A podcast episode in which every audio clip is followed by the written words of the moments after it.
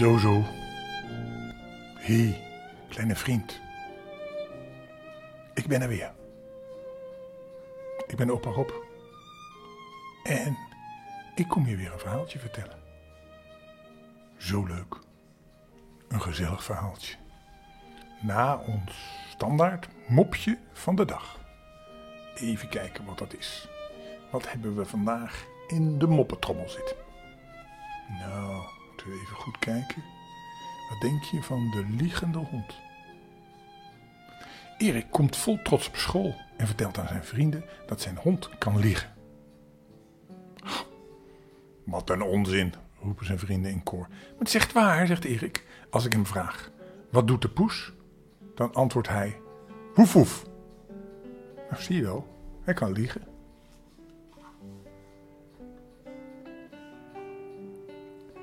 En weet je welke plant je kan laten schikken? Bamboe. Boe. Bamboe. En dat is dan, als je dat uitspreekt, bamboe. Zie je wel dat je schrikt? Ik wist het wel. Ik wist het wel. Nou, en nu gaan we een leuk verhaaltje voorlezen. Vandaag hebben we het verhaaltje De kleine armen van Assisi. Was een markt in Assisi. En een lange stoet reizigers trok naar dat stadje. De meesten waren te voet. Ze gingen gebukt onder het gewicht van hun koopwaar. Dat waren de spullen die ze wilden verkopen. Die droegen ze in manden, op hun zakken of in zakken op hun rug. Zo beklommen ze moeizaam de steile bergwegen en het rode stof van de Monte Subasio. Daarmee werd hun gezicht bedekt en hun handen en hun kleren. Sommigen waren uitgeput omdat ze al uren gesjouwd hadden met hun last. Maar niemand dacht erover om terug te gaan, want het was markt. En dat betekende in die dagen groot feest. Zwaar beladen ezeltjes strompelden mee in de stoet. Soms probeerden die de weg te verlaten omdat ze ergens in een schaduwplekje wat gras ontdekten. Maar dan kregen ze met de zweep, want hun bazen hadden haast. Die moesten naar de markt. Grote witte ossen met lange, sierlijke gebogen horens trokken logge karren, waarop koopwaar hoog lag opgestapeld. Maar het ergst van alles waren de schapen er aan toe. Zij hadden verscheidene dagreizen moeten lopen. Er was geen tijd geweest om te grazen of te rusten. Met stokken werden ze voortgedreven naar de markt, waar ze verkocht zouden worden. Meer dood dan levend. Zo trokken de mensen met hun dieren door de stadspoorten van Assisi naar het marktplein. Het was een oorverdovend lawaai. Er werd gezongen en gelachen en geschreeuwd, maar vooral veel geschreeuwd. Want iedereen was erg opgewonden en er was ook wat wijn gedronken. Hier en daar raakten een paar kerels aan het vechten. Omdat ze het oneens waren over de prijs van een zak graan of van een kreupel kalf. Aan alle kanten rinkelde het geld. Ja, er werden grote zaken gedaan, maar de belangrijkste dingen geschieden bijna onopgemerkt. Ergens tussen het gewoel. Zo was er in een nauwe steeg een ezeltje gevallen. En dat steegje was zo steil dat men een, een trap had moeten maken. Anders was het een glijbaan geworden. En het ezeltje was gestruikeld over een steen. En het lag nu voorover, half bedolven onder zijn eigen lading. Zijn baas sloeg hem onbarmhartig met een grote stok en schreeuwde dat hij op moest staan. Maar zonder hulp kon het ezeltje helemaal niet opstaan. Daarvoor was zijn bepakking veel te zwaar. Het was maar een mager ezeltje en hij was doodmoe. Machteloos bleef hij liggen en de slagen regenden neer op zijn rug. En hij kreeg ook slagen op zijn poten. En hij werd nog uitgelachen bovendien. Sla hem dood, de luiaard, schreeuwden de omstanders. En ze bespotten de baas van het ezeltje, omdat hij zo'n nietswaardig beest mee naar de markt genomen had. Er werd gejoeld en gescholden. En boven alles krijste een oude, smerige bedelaar dat je wel een geweldige ezel moest zijn als je zo'n stom beest nog niet eens tot lopen kon dwingen. Daardoor werd de eigenaar van het ezeltje natuurlijk nog bozer en hij hief een zware stok hoog boven zijn hoofd om het arme dier een gemene slag op zijn neus te geven. Toen sprong er opeens iemand tussenin. Tussen hem en de ezel. Niemand wist waar die vandaan gekomen was. Niemand had hem tot dusver opgemerkt. Het was maar een kleine, onaanzienlijke verschijning. Hij ging gekleed in een oude, versleten monnikspij. Hij was helemaal met stof bedekt. Hij sprak geen woord. Hij keek die woedende man alleen maar aan met zijn grote, donkere ogen. Het gejoel verstomde plotseling. Iedereen hield zijn adem in. Want men meende dat die kwade kerel zich nu op de kleine monnik zou werven. Werpen, dat hij hem zou neerslaan met zijn knuppel. De kwade kerel was de eigenaar van de ezel en de kleine monnik was er tussenin gesprongen. Maar het gebeurde niet. De opgeheven arm van de enorme man zakte machteloos neer. De knuppel viel op de grond. Dadelijk wendde de kleine monnik zich af en boog zich over het ezeltje heen. Zwijgend gespte hij de riemen los waarmee die, al, die enorme zware last op de rug van de ezel was gebonden. Met zijn armen om de buik van het dier hielp hij het dier opstaan. De ezel trilde nog op zijn, op zijn poten, maar het wreef zijn zachte neus tegen de ruige pij. Toen nam de kleine monnik de grote last van de grond en laadde die op zijn eigen rug. Diep gebogen onder dit reusachtige gewicht strompelde hij op zijn blote voeten naar de markt. Het ezeltje liep dicht achter hem aan.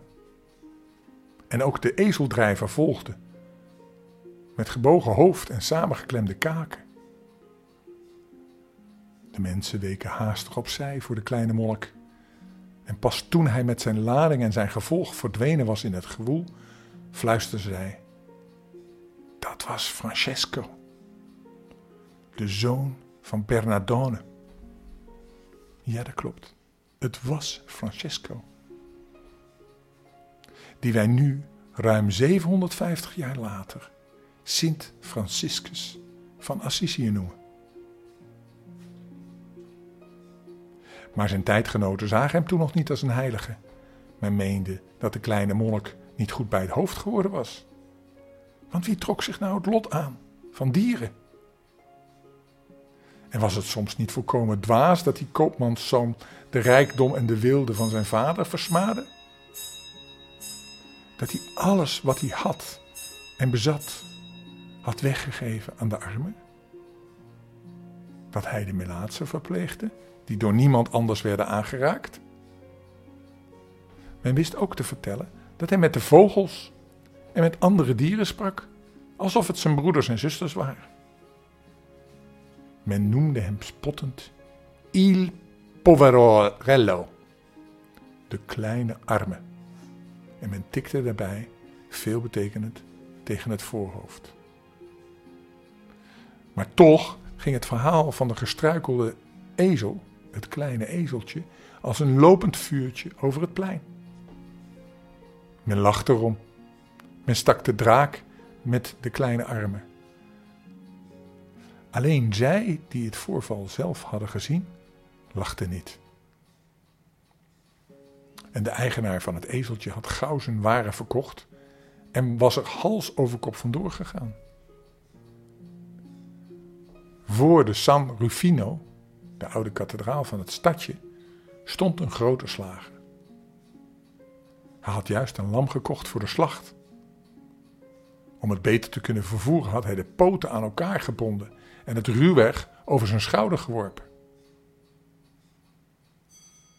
Pas maar op dat Il Poverello je niet ziet, waarschuwde iemand uit het volk. Straks neemt hij je, het lam nog af. Maar de slager lachte luidkeels. Ik heb het eerlijk gekocht en betaald, riep hij. Het is van mij en ik mag ermee doen wat ik wil. Ik zou het nog aan geen tien poverello's afstaan. En om zijn woorden meer kracht bij te zetten, schudde hij het lam stevig.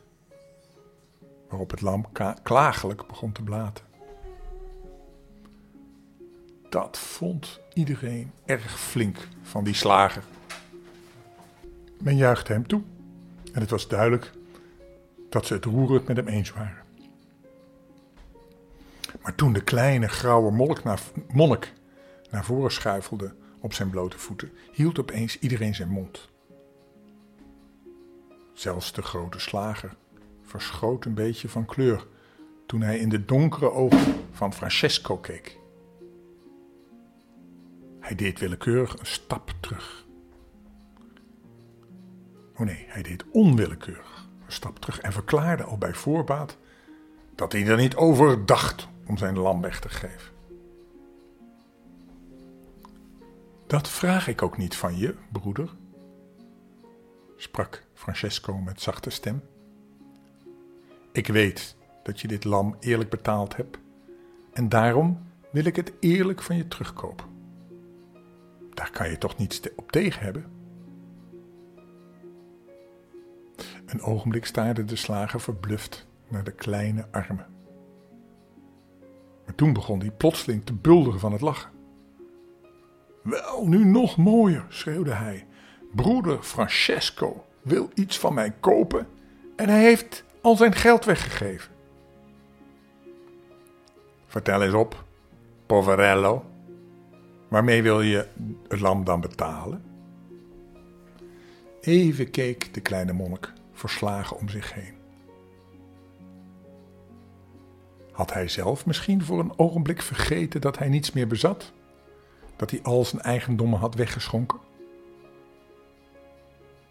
De omstanders werden alweer rumoerig. Er werd gemompeld en gelachen. Er waren er zelfs die stenen opraapten om ermee naar Francesco te gooien.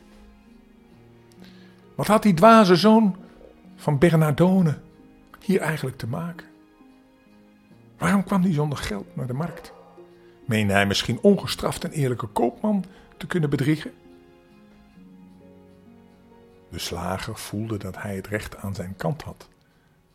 Zelfverzekerd wendde hij zich af en wilde weglopen met zijn blatende lammetje. Maar Francesco legde een hand op zijn arm. Wacht nog even, broeder, fluisterde hij. Verbaasd keek de slager om. Wat wilde die dwaas nu nog? Zwijgend maakte Il Poverello het koord los dat zijn midden omgorde en begon heel bedaard zijn pij uit te trekken. De slager verbleekte. Broeder Francesco, dat kun je je niet doen. Je mag je hier niet voor al die mensen uitkleden. Francesco glimlachte. Ik zal het eerlijk betalen, broeder. Maar dat is onmogelijk, stotterde de slager. Je maakt ons allebei belachelijk. Zoiets doet men niet voor een lam. Nee, zei Francesco, die zijn pij nu had uitgetrokken en naakt, maar volkomen rustig tussen het volk stond. Dat heeft men zelfs niet gedaan toen het lam Gods naar de slachtmarkt werd gevoerd. Hier, broeder Slager, neem mijn pij. Ik weet dat hij niet veel waard is, maar ik bezit niets anders wat ik je zou kunnen aanbieden. Sta mij toe het onschuldige lammetje vrij te kopen. Toen boog de slager beschaamd het hoofd en gaf het lam aan Francesco. En Francesco gaf hem eerlijk zijn pij.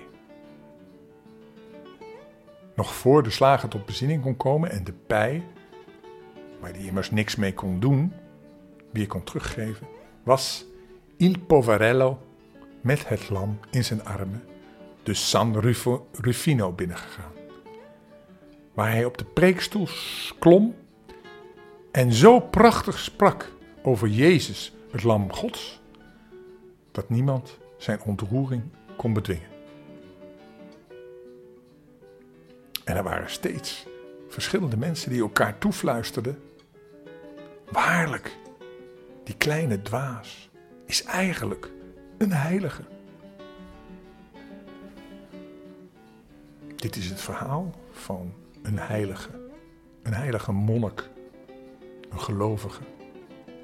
En die heeft, houdt heel veel van dieren. En hij komt dus op voor de dieren. Hij bevrijdt ze. Hij koopt ze vrij. Hij behandelt ze met liefde en respect. Dat is echt een mooie manier. Je moet altijd lief zijn voor dieren. Ben je ook altijd lief voor dieren? Dan ben jij vast een vriend van de heilige Franciscus van Assisi. Nou, misschien moeten we toch maar eens die Franciscus van Assisi een keer opzoeken in de kerk. Want hij is heel bekend in de kerk. Maar we gaan nu eerst lekker slapen en dromen over de heilige Franciscus. Wel trust hè? Lekker slapen. Tot morgen.